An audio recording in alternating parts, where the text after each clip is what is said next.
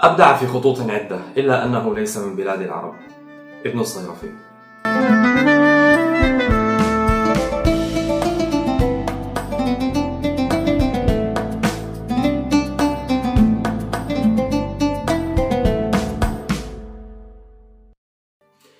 عبد الله بن محمود الصيرفي ولد في تبريز سنة 656 للهجرة. كان والده صرافا يدعى خواجة محمود. عيال الفلوس. لقب بياقوت زمانه عاش في تبريز عاصمة الإلخانيين وعاصر السلطان أوريجاتو محمد ثامن ملوك الإلخانيين.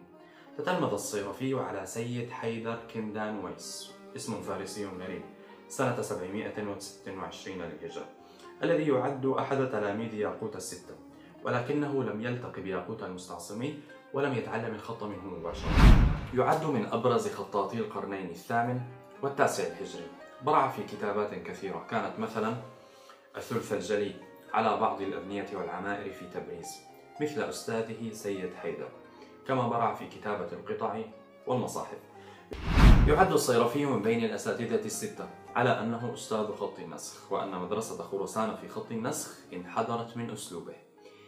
يبدو أن أستاذيته في الخط تتجلى في كفاءته العالية في الكتابة وتمكنه منها كما تظهر في قدرته على كتابة خطوط الجلي. أقصد بذلك الثلث الجلي المخصصة للعمائر والتي تكون بقياسات وأحجام ضخمة جدا. وفي الوقت ذاته قدرته على كتابة الخطوط الدقيقة كالنسخ ببراعة عالية في الحالتين. يكتب خطا دقيقا صغيرا يحتاج إلى التركيز والثبات في اليد وكذلك يكتب خطوطا واسعة تحتاج إلى تحكم بالقلم ولا سيما إذا كان كبيرا. أتقن الأقلام الستة وهي الخطوط الستة التي كانت معروفة في زمانه. الثلث، النسخ، المحقق، الريحاني، الرقاع والتواقيع. وكتب بالثلث الجلي وهو الخط الذي يستخدم عادة على العمائر والأبنية سواء في إيران أو خارجها حيث تذكر المصادر كتاباته على العديد من عمائر تبريز. كتب مصحفا بالخط المحقق وهذا المصحف محفوظ إلى اليوم في مكتبة تشستر بيتي في دبلن. أما كتابته بخط الرقاع فنجدها في العديد من حروف المصاحف كما أن عناوين السور في بعض مصاحفه تشير إلى معرفته بخط التواقيع والذي يختلف عن خط الرقاع وكذلك معرفته بالخط الكوفي.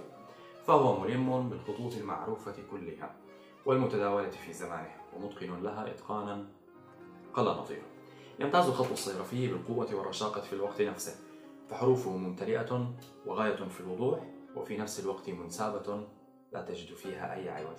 ومن الجدير بالذكر أن كتاباته في المصاحف كانت متشابهة إلى حد مبهر جدا. وأقصد بذلك مثلا الراء في أول المصحف كالراء في آخره الباء في أوله كالباء في آخره الميم كالميم الفاء كالفاء. التفاف هذا الحرف كالتفاف ذاك. تشابه مبهر جدا. قل نظيره مصاحف اليوم مثلا ولا سيما مصحف المدينة دققت فيه كونني أستخدمه فوجدت فيه الكثير من الاختلافات في الحروف. أقصد بذلك مثلا حرف الفاء فيه ميلان أو فيه انحناء أشد من فاء في صفحة أخرى. الباء فيها ميلان أقسى من باء في صفحة أخرى. وهكذا. نحن في النهاية بشر لسنا آلات نكتب نفس الحرف تماما في كل المرات. إلا أن ابن الصيرفي قد تميز بأن التشابه في أشكال حروفه مبهر ومعجز جدا. ترك الكثير من الآثار في الخط العربي. يمكن أن نحصرها في ثلاثة أصناف. أولها كانت أعماله المنفذة بالثلث الجلي على بعض العمائر والأبنية في إيران.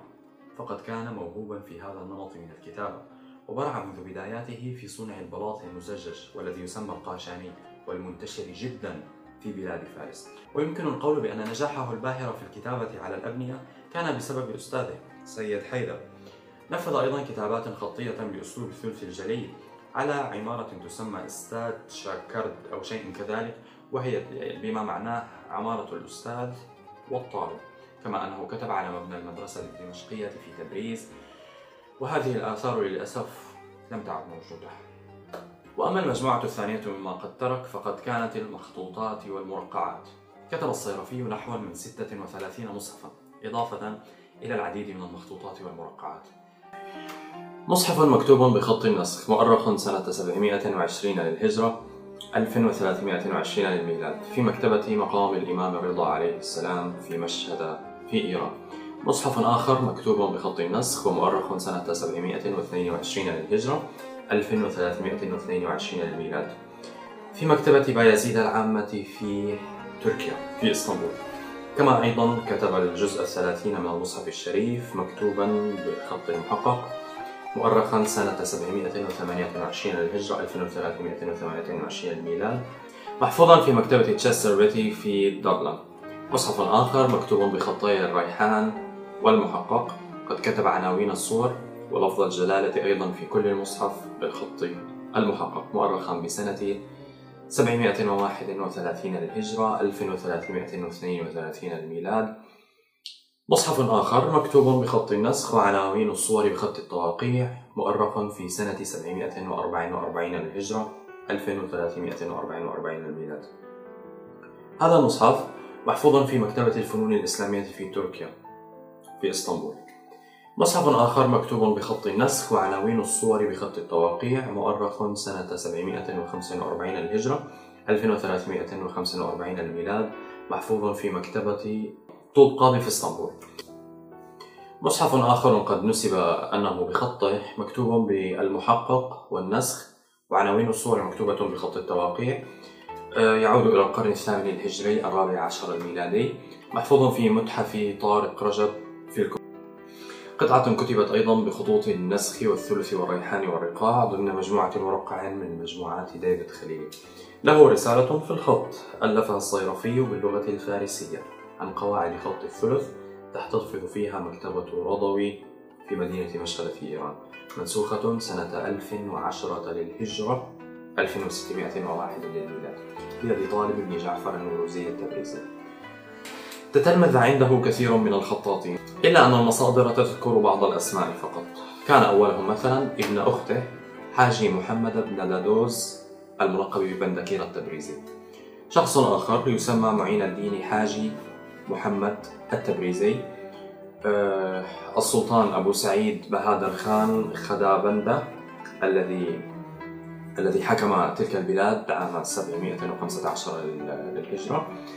يحيى الصوفي وهو يحيى بن نصر الله الجمالي الصوفي آه، خير الدين المرعشي. وبعض المصادر تذكر أن كتابات الشيخ حمد الله سنتكلم عنه فيما بعد إن شاء الله الشيخ حمد الله الآمسي في بداياته كانت متأثرة إلى حد بعيد بخير الدين المرعشي. خير الدين المرعشي هو تلميذ ابن الصيرفي. تأثر الخطاطون العثمانيون بطريقة الصيرفي بصورة غير مباشرة ويصعب قبول تلمذة خير الدين على الصيرفي بسبب فارق الزمني بينهما ولكنه أخذ عنه بالواسطة وأما عن وفاته فهي غير معلومة. لم يذكر أي مصدر متى توفي وفي أي مكان. ولكن قد ترك آثارا كبيرة تشهد له ولإبداعه في علم الخط. بانتظار آرائكم وتعليقاتكم على هذا الفيديو لا تنسوا مشاركته في كل المجموعات التي تعرفونها. الأقارب الجيران الأهل كل أحد كل جروبات الواتساب والفيسبوك وكل ما تعرفونه. والاشتراك معي في القناة لنغوص معا في بحر الخط الذي لا قاع وكالعادة لمن أراد الاستماع إلى النسخة الصوتية من هذه الحلقة يمكنه مراجعة الروابط الموجودة أسفل هذا الفيديو لكل منصات البودكاست. إلى اللقاء.